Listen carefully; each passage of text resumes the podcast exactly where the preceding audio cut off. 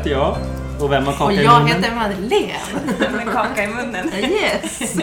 Och idag har vi en gäst eh, i våran podd. Alva Appelgren, välkommen hit. Tack så mycket. Alva, du jobbar som hjärnforskare kan man säga, eller tidigare erfarenhet som eh, doktorand Mm. i neuropsykiatri, eller nej förlåt, neurovetenskap. Ja, men precis. Hjärnforskning, Hjärnforskning. och så psykologi. Och så psykologi. Ja, det har jag jobbat med. Och du är även författare Mm. till en bok. Det stämmer. Den handlar om motivation. Så det är ganska kopplat till det jag har forskat om innan då. Ja. Mm. Så det är just motivation och hur man kan bli motiverad som är lite temat för idag. Precis. Så vi är jätteglada att du ville vara med Mm. och komma till vår podd. Och vi måste säga att vi är glada för att sitta och dricka kaffe på café i Stockholm. Mm. För att möta dig också idag. Ja. En av de absolut mysigare poddinspelningarna. Ja, Ja, vi, vi kommer att öka kraven på Det, är- det, framtiden. det är inte samtalsrummen på Nej. Segerstedt. Det är absolut jättetrevligt att du är här.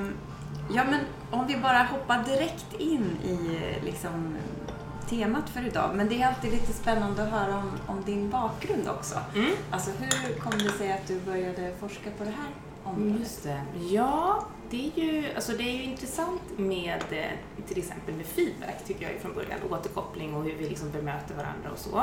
Så det var ju, tror jag, och även då hjärnforskning och liksom vad vi har för uppfattning om oss själva och andra och så. Det tycker jag är jättespännande och det var väl det som eh, gjorde att jag började forska då från början. Eh, Jag har ju liksom en bakgrund inom biomedicin. Sen så när jag fick den här chansen att eh, doktorera inom ett ämne som då kändes eh, spännande att veta mer om så, så började jag med det då. Och det var väl just det där med att man både fick lära sig om hjärnan och sen också kopplat till beteende. Liksom, och utföra sådana experiment, det är jättespännande. Det tycker jag verkligen eh, fortfarande, även om jag inte jobbar liksom aktivt med just sådana experiment då, utan mer pratar om, om det jag har gjort då. Mm. Men då vill jag stanna till i Mm. just den där eftersom som vägledare möter jag ju ofta unga människor som säger att de vill jobba som hjärnforskare i framtiden. En De väldigt... vill det? Ja. Ja, ja, ja. Men, men man ser ju oftast kanske en ganska snävt perspektiv på hur man kan bli hjärnforskare. Man, man tänker oftast läkarutbildning Mm. för att sen kunna jobba med hjärnan. Eh, det. Men du säger att du kommer från kemihållet. Ja men precis, för Hur, hur tog du dig in? Ja, för jag var så här från början, då tänkte jag, ska jag hålla på med musik eller ska jag hålla på med eh, någonting om eh, liksom, människokroppen, biologi eller kemi eller något liknande. Och musiken är fortfarande kvar, men jag valde ändå, okej, men jag tar inte den vägen, utan jag söker in till biomedicin då. För att det var också forskningsinriktat, eller liksom mer lära sig om så processerna bakom, verkligen förstå det senaste forskningen. Det lät väldigt attraktivt. eh, Mm. Så då, då tänkte inte jag att jag ville bli hjärnforskare. Nej, det tror jag inte. Jag tror bara jag tänkte att jag ville lära mig om liksom, människan. Mm. Så det hade ju kunnat bli en annan liksom, utbildning, men med det fokuset. Eller jag tror att jag sökte alla möjliga sådana med liksom, på den där listan som kanske hade någonting som ingenjör, kemi, teknik eller vad det kan ha varit, olika sådana, bioteknik och allt vad det var. För att jag tänker, eller då var det ju mer som ett intresse Mm. inom det området. Men absolut, om man nu ska säga så här i efterhand, så går det ju att eh, nå dit man vill, tror jag, på olika vis. Absolut. Alltså ämnesområdet, Mm. Ja. Jobba inom det. Och det här med hjärnan, när det kom de kurserna, liksom neurokurserna, det var jättekul. Mm. Ja. Och då, sen så sista terminen fick man ju välja mer då. Ja. Och då var det ju ändå, då valde, då pluggade jag i Australien, alltså utbytestermin. Och då var det ändå chansen så här, okej, eh, både liksom neurokurser Mm. och psykologikurser och så här beteende, jag kommer ihåg en kurs som hette Abnormal Psychology, jag tyckte det var jättespännande, alla möjliga så här konstigheter som vi kan utveckla som människor. Och ja, var på, som lärarvikarie ganska länge, eller att undervisa, det har jag ju kommit tillbaka till. Ja. Jag är inte utbildad lärare, Nej. men jag får föreläsa för lärare. Mm. Eh, Så det är också så roligt att de intresseområdena kommer igen, men man behöver kanske inte ta den här liksom vägen som är utstakad. och Spikrak. Ja, precis. Den originalvägen. Men Ja. f- får jag hoppa in där? För jag känner att det vore tjänstefel av mig om inte jag tog upp din Australienupplevelse här. Jag jobbar ju med, med utlandsstudier framförallt. Ah, ja, ja. Eh, Så, Så där skulle jag nästan vilja hoppa in och bara fråga vart, vart läste du någonstans? Vilket universitet? Jaha, ja, det var Newcastle University, det låg ovanför Sydney. Det var inte Mm. jätte, inte som studentstad kan man säga. Jättetrevligt. Och sen var jag faktiskt även, jag tog alla sådana där chanser till, med utbyte. Så hade Mm. de ett utbyte eh, till Holland också. Så jag var i Leiden innan, eh, vad det nu var, termin fyra. Eh, och då så, eh, ja, det var de utbyten som fanns som man kunde söka. Jag tycker verkligen alltså vilken chans man har att få göra det. Mm. Så Och som du säger, att skapa den där extra profilen, att krydda med det där lilla extra som man kanske inte får på hemmaplan på det färdigpaketerade programmet. Exakt. Dessutom, man ska inte vara rädd att man liksom läser kurserna på ett annat vis och Nej. sånt och bara Mm. översätta. Och jag vet att de kurserna, då var det även lite neuro faktiskt den terminen som de hade där i Holland. Och det var inte som att jag inte hade nytta av det. Utan det var bara jätteroligt att få läsa Men förstod jag det rätt lite som att det var just i Australien då som mycket av, av inspirationen kom till det du gör idag? Ja men det stämmer faktiskt. Ja. De kurserna där, det, det hjälpte nog till. Alltså, som sagt, det är lätt att vara efterklok. men jag tror om man ser det på liksom, banan jag har tagit så de kurserna har ju faktiskt satt sig och även Ja. de böckerna, många böcker har man liksom gett vidare och så till Mm. de som pluggar efter. Men där har jag faktiskt kvar några som Ja. jag hade där och liksom, den tunga väskan hem. Det var ändå värt Det var värt att behålla, släppa hem. Jag. Ja, faktiskt. Och också som- minne. Nej, det var jätteroligt att plugga där och också få lite kontakt med sådana forskare. Ja, forskningen där, för det var ju precis i slutet tänkte jag också så här, ska jag stanna och sökte doktorandtjänst där också som jag Mm. fick men då var det liksom är långt ifrån eller olika saker som Ja. jag kände gjorde att jag Familjen ändå- kanske drar här Ja hemma. men det kan vara sådana saker Ja. och då så bestämde jag mig för att komma hem och sen började jag inte forska direkt ändå utan då så gjorde jag andra saker. Mm. Apropå den här utstakade banan, Ja. jag jobbade liksom med medicinteknik då i Mm. ja, vad det nu var, två och ett halvt år Ja. efter där. Så det var inte alls det som jag hade utbildat mig Nej. till egentligen. Mm. Men tack vare liksom intresse och språkkunskaper tror jag det var mycket Mm. i- för det jobbet. Mm. Så var det ju, eh, så gick det att göra det också. Så Ja. jag tycker det är väldigt roligt när man får göra olika saker som man kanske inte har tänkt sig. Men som man sen också har nytta av. Jag tänker att det har ju säkert varit en stor nytta sen när du har väl skrivit din bok. Liksom, att, att du har de här olika erfarenheterna och kunna Ja. väva in det. Ja, ja men absolut. Det är ju, man plockar från alla delar av sitt liv och sina erfarenheter. Sen så är det klart att det som man gör, som det senaste man har gjort har ju stor ja, impact på det man liksom pratar om och så vidare. Och just det här med att doktorera under liksom fem års tid och så, tror jag alla som har gjort eh, känner. Det är liksom den delen i ens liv påverkar ganska mycket för att man är så pass inne i det man håller på med Mm. studietiden är ju också så, men lite mer en annan tid också. Man gör Men annat om man säger så. Precis, där vidgar man kanske mycket mer perspektiven Mm. mot när man doktorerar så får man chans att fokusera på.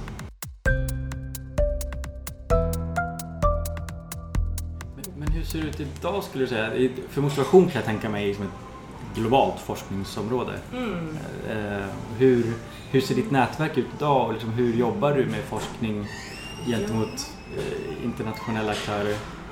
Ja, som du säger, motivation är ett jättefält. Så att det är ju dels sådana som forskar på olika vis om motivation. Man kan ju liksom forska på eh, ja, men, möss liksom på ljud och göra det. Eller så kan man eh, kolla på beteende, psykolog, ja, psykologer, många som kollar på det. Och framförallt inom liksom arbetslivet är det ju mycket HR och så som vill veta mer och kanske då från olika perspektiv. Så då är det ju mycket liksom nätverket är nog att de, jag har lyxen att de hör av sig nu till mig då och säger att vi har hört om det här och så vidare. Men jag tror att under doktorandutbildningen när man blir, eller liksom tidigare i livet så är man ju mer inne i det man håller på med. Då var det nog mer att aktivt liksom leta och så vidare. Men allt eftersom, ska man säga, ja, erfarenhetstiden går och så, då kommer det lite av sig själv nästan. Alla möjliga sådana chanser.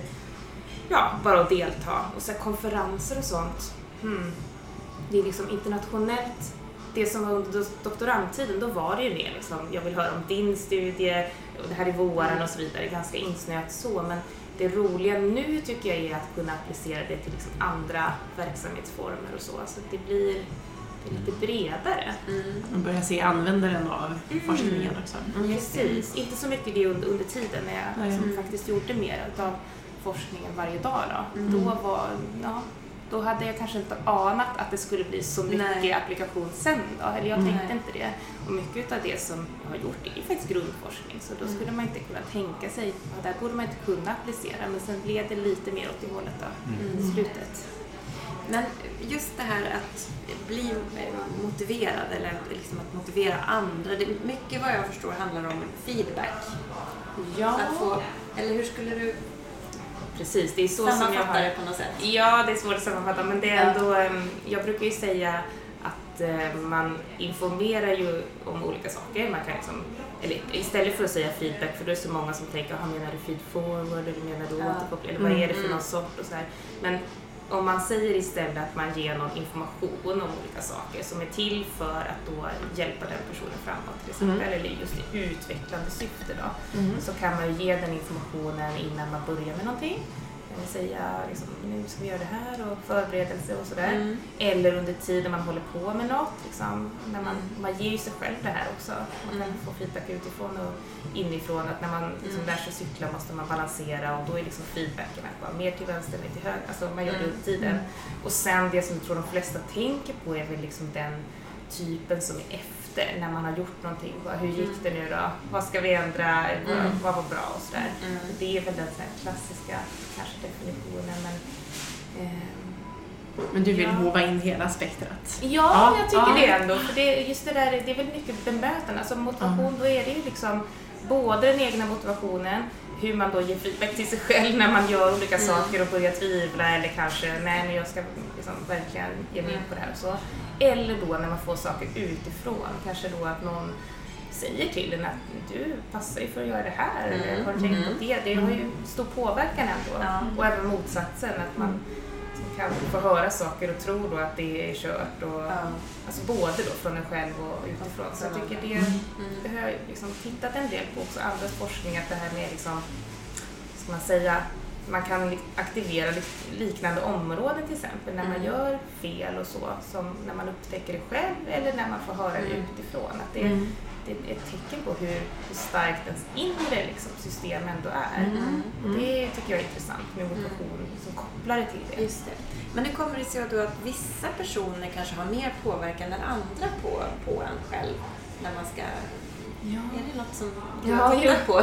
Ja, egentligen inte så, men det, det är väl alltid det här med att eh, man, man har varit med om olika saker i livet, man Mm. är olika individer, liksom, både de genetiska förutsättningarna och också sen vad man har liksom gjort eh, och vilka man möter. Sen är det ju det där med, om man tänker rent praktiskt, att om man pratar med någon man känner väldigt väl så vet man ju hur den reagerar, då är det lättare att bemöta den personen eller liksom syskon eller någon man vuxit upp med. Då är man lite hårdare i sin feedback kanske än vad man skulle vara med någon man inte känner. Just man det. liksom måste ju tänka att det är väldigt sådär kontextberoende. Så det är ibland svårt tycker jag när jag pratar om sånt här och Mm. generalisera. Om man liksom har ett tips och så vet man att det här tipset kommer liksom Ja. användas i diverse olika sammanhang. Det går ju liksom inte. Nej. Ja, precis. Det är kanske olika tips till föräldern och läraren Ja, och tränaren. Alltså det, Ja. Där har vi olika roller. Just det.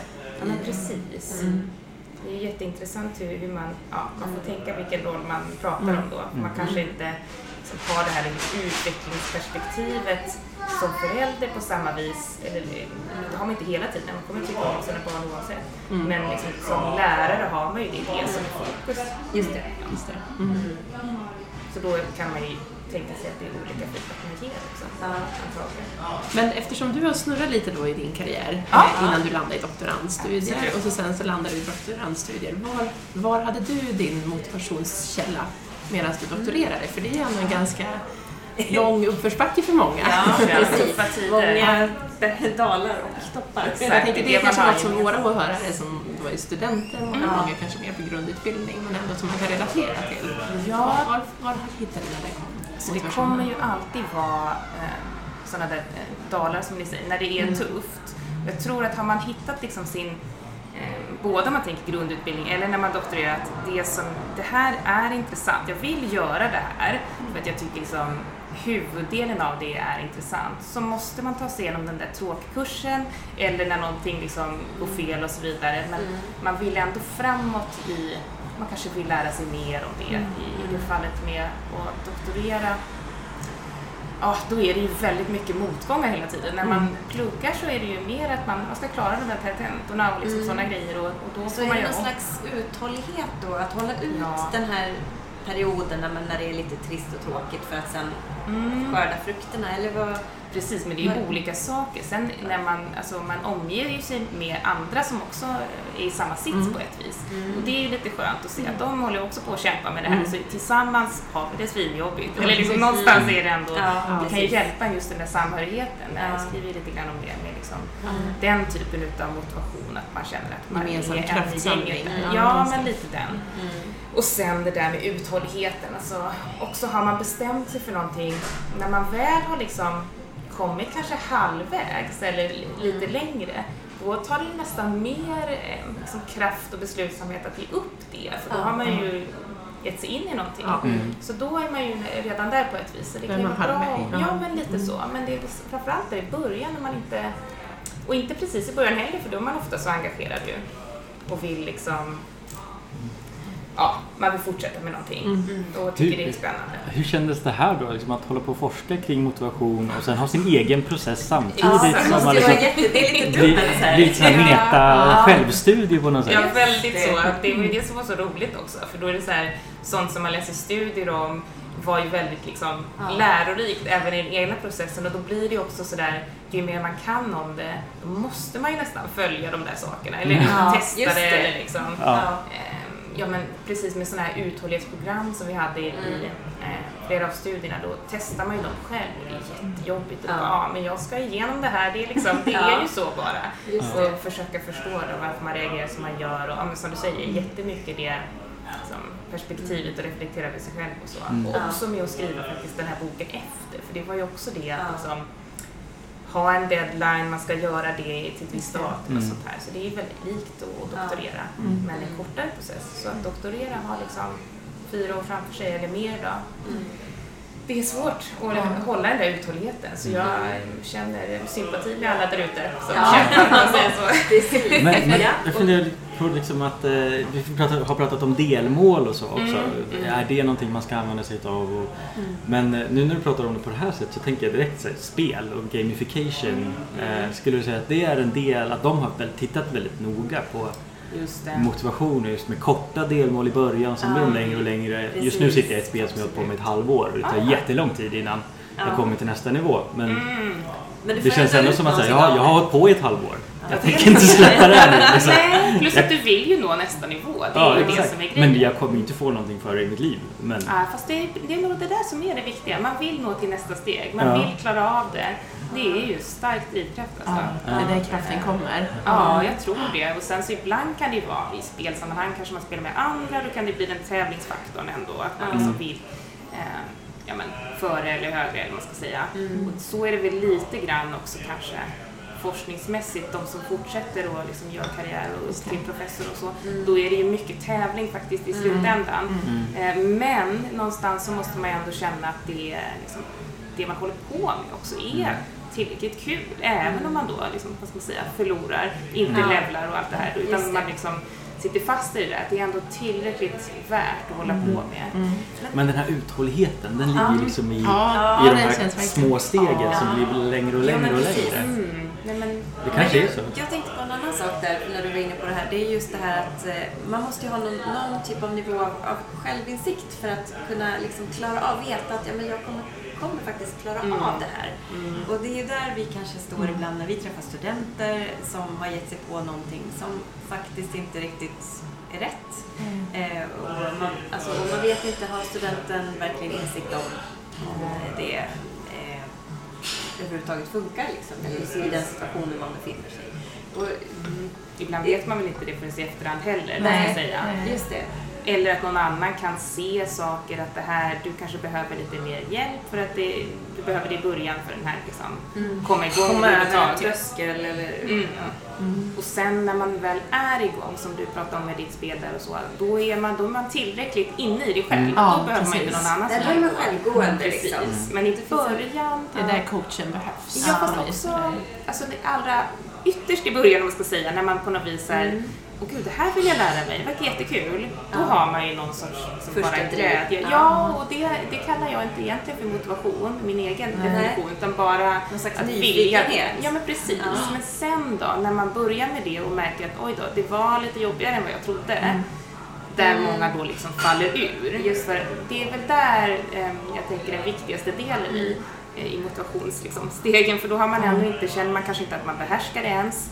Ehm, vad är det då som gör att man stannar? Mm. Det är Men där målet blir Men backa tillbaka lite. Och Skillnaden mellan att vilja och att vara motiverad för något. Det där så att det är olika grejer. Vad, vad är det Ja, inte riktigt olika, men jag tycker ju så här, min egen definition, Mm. att man ska vilja någonting, det är en del utav motivation. Men sen handlar det om ihärdigheten att inte ge upp när man möter den här motgången sen då. Mm. Att man, när det börjar bli tufft, när man då inte ger upp, då tycker jag att man är motiverad. Mm. Man både vill det, men också agerar liksom därefter och kanske då ja, men okej, vad behöver jag för andra strategier för att lära mig det här? Eller måste jag det. fråga någon? Ja. Eller måste jag öva mer? Där får Vad man hitta liksom? lite olika sätt att komma över. Mm. Och där tänker jag, det, det relaterar du själv för en stund sedan. Du pratade om din forskartid och så Mm. sen bokskrivartid. Ja, men då kan du under bokskrivartiden så kan man relatera till att ja, men jag överlevde min avhandling. Absolut. Jag fixar en bok. Ja, men som Mm. mamma då till en eh, sjuårig eh, kille, där har man ju inte riktigt lärt sig när man är så liten. Nej. Uthållighet, alltså Nej. begreppet uthållighet är, Nej. det, det är svårt att förklara. Ja, Ska jag säga då, som, nu är det mamma Madeleine som pratar. Ja. Men, Ja, Ehm. men det är ju Ja, jättespännande. men hur tränar man uthålligheten? Ja, hur, tränar man hur träna, hur, för jag, jag tror ju att den går att träna men Ja. Genom uppgifter som är lagom svåra innan man behärskar dem. Ja men precis, När man, och då kan det ju vara, det är kanske en helt annan uppgift. Någonting man vill göra eh, men som är lite svårt och som man då sen klarar av. Det kanske är vad det nu kan vara, det vet inte jag vad din sjuåring gör, men en timmes vad det nu kan vara. Och sen att man faktiskt fixade det. Man trodde, ja det kanske går, men jag vet inte.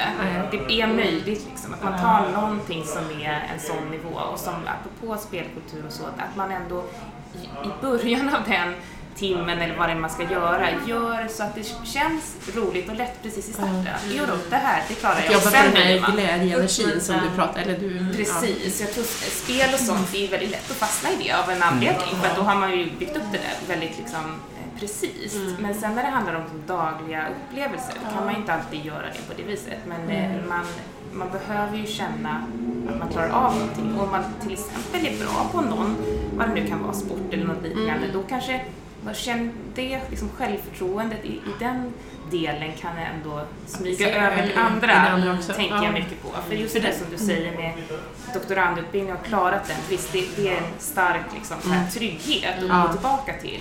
Men sen kommer det ju vara något helt annat när man ska lära sig andra saker. Ja, Eller, och bara det att många som tar körkort, det är ju en väldigt härlig känsla att klara av Ja. det. Och yes, man övade på något man inte kunde alls från början och sen gick det liksom till slut. Så man kan gå tillbaka till andra exempel Ja, liksom, som har gått. Ja. Hur, hur viktigt är eh, acceptans för misslyckanden i den här processen? Mm. Ja, precis. Det är det som är så intressant också. För det är acceptans men också liksom, att faktiskt bli missnöjd över misslyckanden. Men för man kan inte säga att man liksom ska ta dem med en klackspark heller. Utan när man misslyckas med något som man verkligen vill, säg då ta körkort, det är ett bra exempel faktiskt. Det är ju ingen rolig sak att fejla en uppkörning till exempel. Men om man då har bestämt sig att nej, jag vill ta det här körkortet, jag får öva mer. Jag hade inte övat tillräckligt, då säger vi. Man vet vad det är man behöver träna på. Ja, eller framförallt där är det ju så bra. För där är det väl liksom någon som har observerat och säger det var de här sakerna. Du får checklistan tillbaka. Ja, men precis Ja. så. Det är lätt Jag på det sättet. I andra sammanhang borde man kanske lära från sånt med Mm. mycket så här sportpsykologi, Ja. jättebra på det där. Att se vad var det liksom i, Mm. I det. dina servrar som är konstiga, men då är de vi kör mer krut på liksom. Så, mm. Och det är ju mycket svårare till exempel i ett stort ett doktorandprojekt. Där vet man ju inte vad, vad är det som är fel liksom, eller vad, är, vad ska jag göra när man skriver en uppsats. Okej, vad ska Man är mera göra? blottad och utsatt i, en, i en längre period. så Ja. är det verkligen. Men kanske att det ska gå fel, eller att man ska tänka så. Ja. Att det, Det hör till processen. Ja, eller om man får någon sån där liksom, information i början. Jag vet, jag hade någon föreläsning om att visa dem någon graf på hur man skulle må så här, under hela tiden. Mm. Ja. Just då kändes det så här, jaha visst, aha, har alla den där dippen vid år tre eller vad det nu var. Ja, liksom. just det. Men sen när man ändå hade den i bakhuvudet, det var lite skönt. Just det, man ska kanske vara det. i det här. Just Ja. det, det är okej liksom. Ja, det är helt naturligt. Ja, precis. Och även Ja. liksom, då är det ju massa så här äh, att man får tillbaka manus som Mm. är dåliga, och all den där kritiken och så måste ju om. Det är ju jättemycket misslyckanden, så jag tror man Ja. är ganska bra på det. eh, Mm. Att eh, ta sig igenom dem och liksom gång på gång också. Ja, Mm.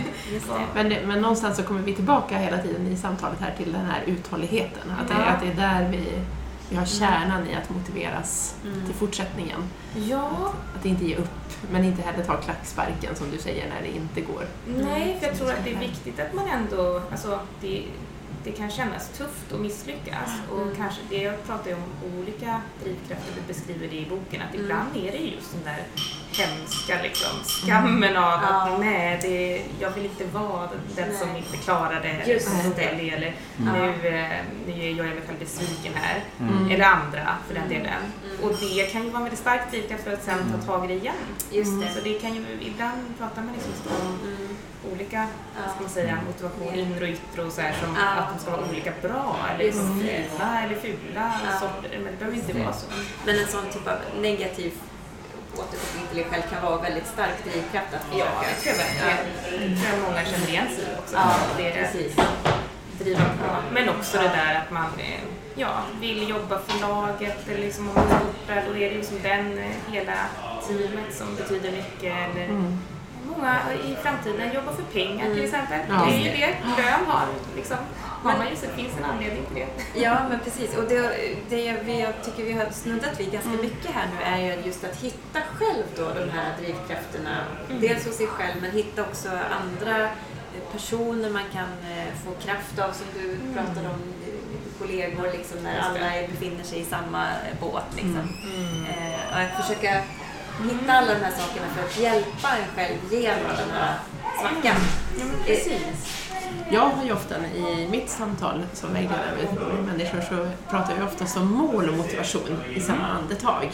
Jag sa det till Sara och Jonathan här i morse också att, att jag, jag kopplar ihop dem väldigt starkt i varandra. Att, att, men är du mållös då, då är det svårt att hitta den inre motivationen. Hur, vad tänker du där? Jo, alltså jag tror det är definitivt lättare när man har satt upp ett mål. För då vet man vad man jobbar för eh, och då kan man dela upp det i delmål och så vidare. Det är väl det optimala. Men ibland tror jag att man inte riktigt vet vad målet är eller så ändras det under vägen. Ja. För att under min doktorandtid, då tror jag inte, från början såg inte studierna ut att det skulle handla om motivation. Då var det mer om koncentration kanske och arbetsminne och så. Så under vägen så ändrades ju målsättningar och så vidare. Och man kanske kände att det här blev ju mer intressant, vi måste kolla mer på det och så vidare. Så tror ibland att man är lite för målinriktad och begränsar sig i det. Så jag tror att det är ingen fara att, att ändra sig Nej. och byta och då bli jättemålmedveten med det nya. man- Precis. Eller vad ska Men man det, men det blir ändå Just ett nytt mål. Jo, det blir det ju. Ja, jo, så det är det- det är. Ja, det är fortfarande- Det är fortfarande det ett det. mål, Ja. även om, ä- även om jag tunar om riktningen så är det fortfarande då är det ett nytt Det mål som leder. någonting som Precis. hägrar. Men det är intressant, för jag pratade med någon eh, bara kompis häromdagen som sa att hon inte tyckte att hon hade någon mål i liksom, jobbsökande och sånt där. Och sen så kom det fram när vi hade pratat det var ju jättetydliga mål, alltså Ja. det är ju det här och det här, men det såg inte hon först. Utan trodde, jag är helt vilsen i det här. Men det, ibland behöver man ju liksom bara prata igenom det Ja. med lite olika personer så kommer det fram någon annan som ser tydligare liksom. Eh, Lite återkommer till det här igen när du pratar, ja det kanske kan vara något tecken på att man vill ditåt då. För jobbsökande och motivation, det är också intressant, tänker jag. För där är ju oftast en jättetuff ehm, Ja. stund i livet. Just det. Osäkerhet. Ja, och oavsett vad kan, jag, Ja. vad kan jag erbjuda? Vänta nu, har jag lärt mig någonting av Ja. det här jag gjorde sist? Ah, vad- vad ska det öppna för dörrar? Och, eh, Så det är verkligen också en fas när man behöver jobba med sin motivation och misslyckanden. Ehm, nej, jag kom inte på den där intervjun. Eller nej, de ville inte ha mig i slutändan. Ehm, Men och när jag, jag tänker också att lite nu, det vi har pratat om här, mycket handlar om det här, eller jag känner det här eh, flow-begreppet. Eh, att, och jag, vad har du någon reflektion kring just motivation och just att befinna sig i ett flow? För Ja. det låter lite som att vi touchar varandra. Precis. Det finns ju en hel del forskning om eh, liksom, flowforskning och även vad det är som gör att man hamnar där då i liksom den här totala absorptionen av det man håller på med. Ehm, och my- det finns ju olika saker, vi se liksom om jag refererar rätt till alla de här sakerna som det är, men eh, det ska ju vara en anpassning till ens erfarenhet, det man håller på med. Man kan inte göra något som är alldeles för svårt för då hamnar man ju ur och för lätt blir det för tråkigt och så.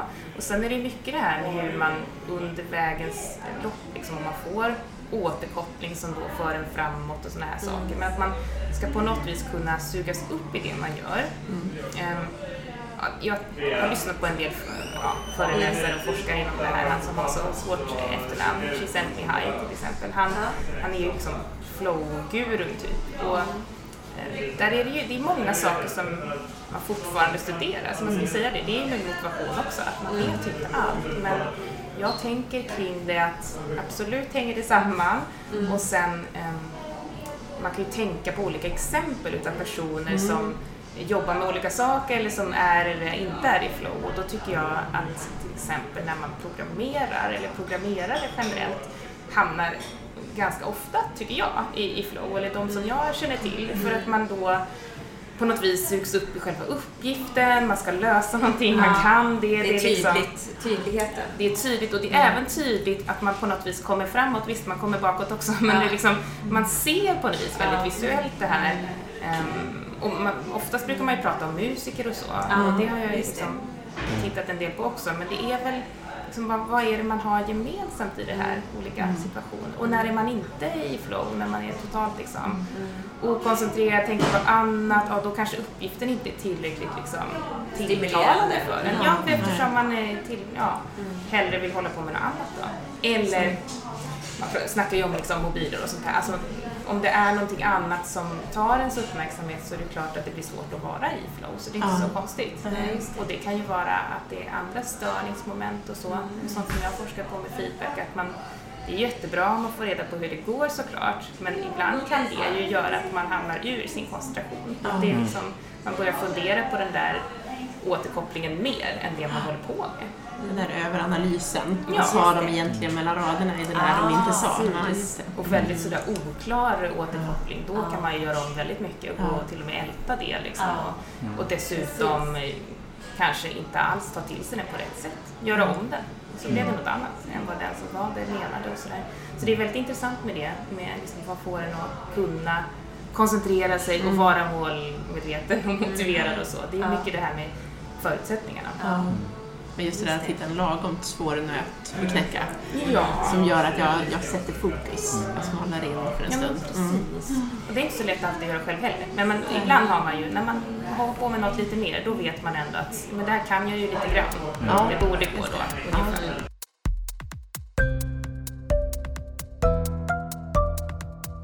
Får jag komma tillbaka till den här feedbackprocessen som vi pratade om tidigare? Vi, eh, där pratade vi om feedback före, under och efter.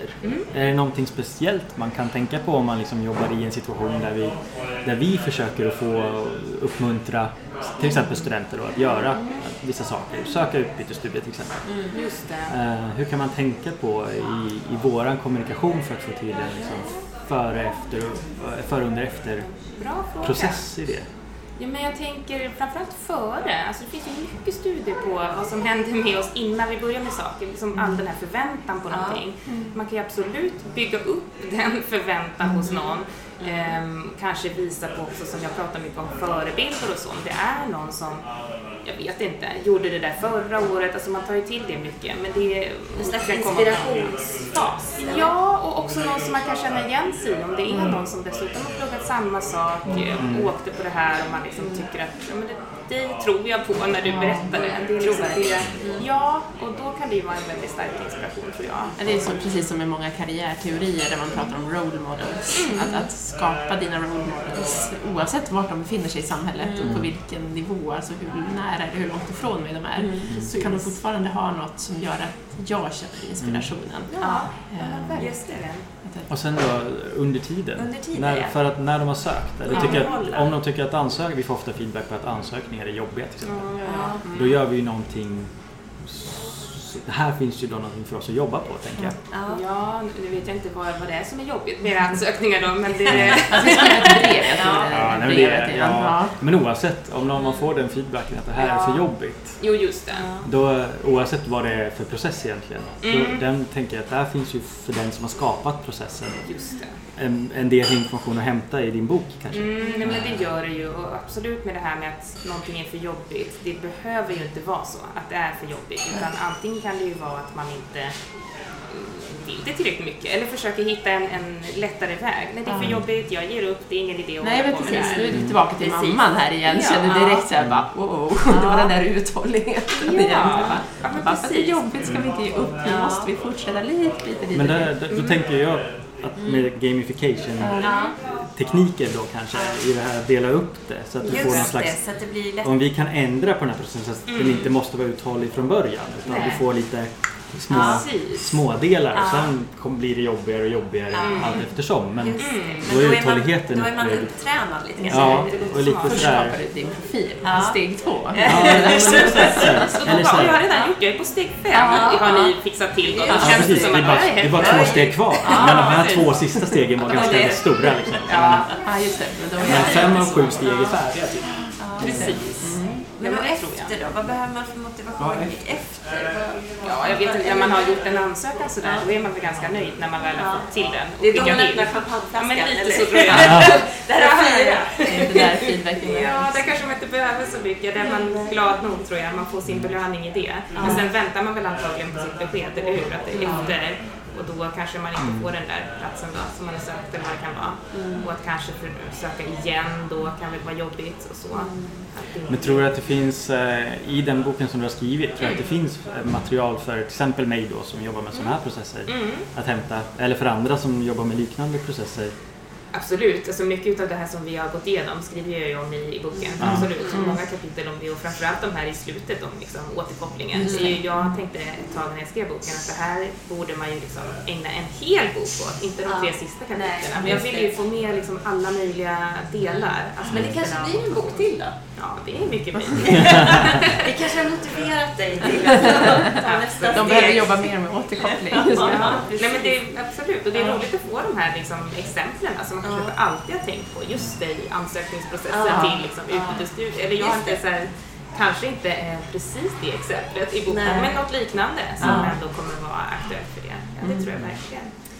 Tiden rinner iväg. Alltså, det här var så jättespännande. Otroligt Vi är jätteglada att du vill vara med. Ja, jättekul att prata om det här. eh, jag tror att vi har lärt oss både ett och annat. Lycka till med den fortsatta motivationen framåt för din egen del också. Tack så mycket. Ja. Kul att få prata med er. Ja. Tack. Tack. Hej då, Alfa.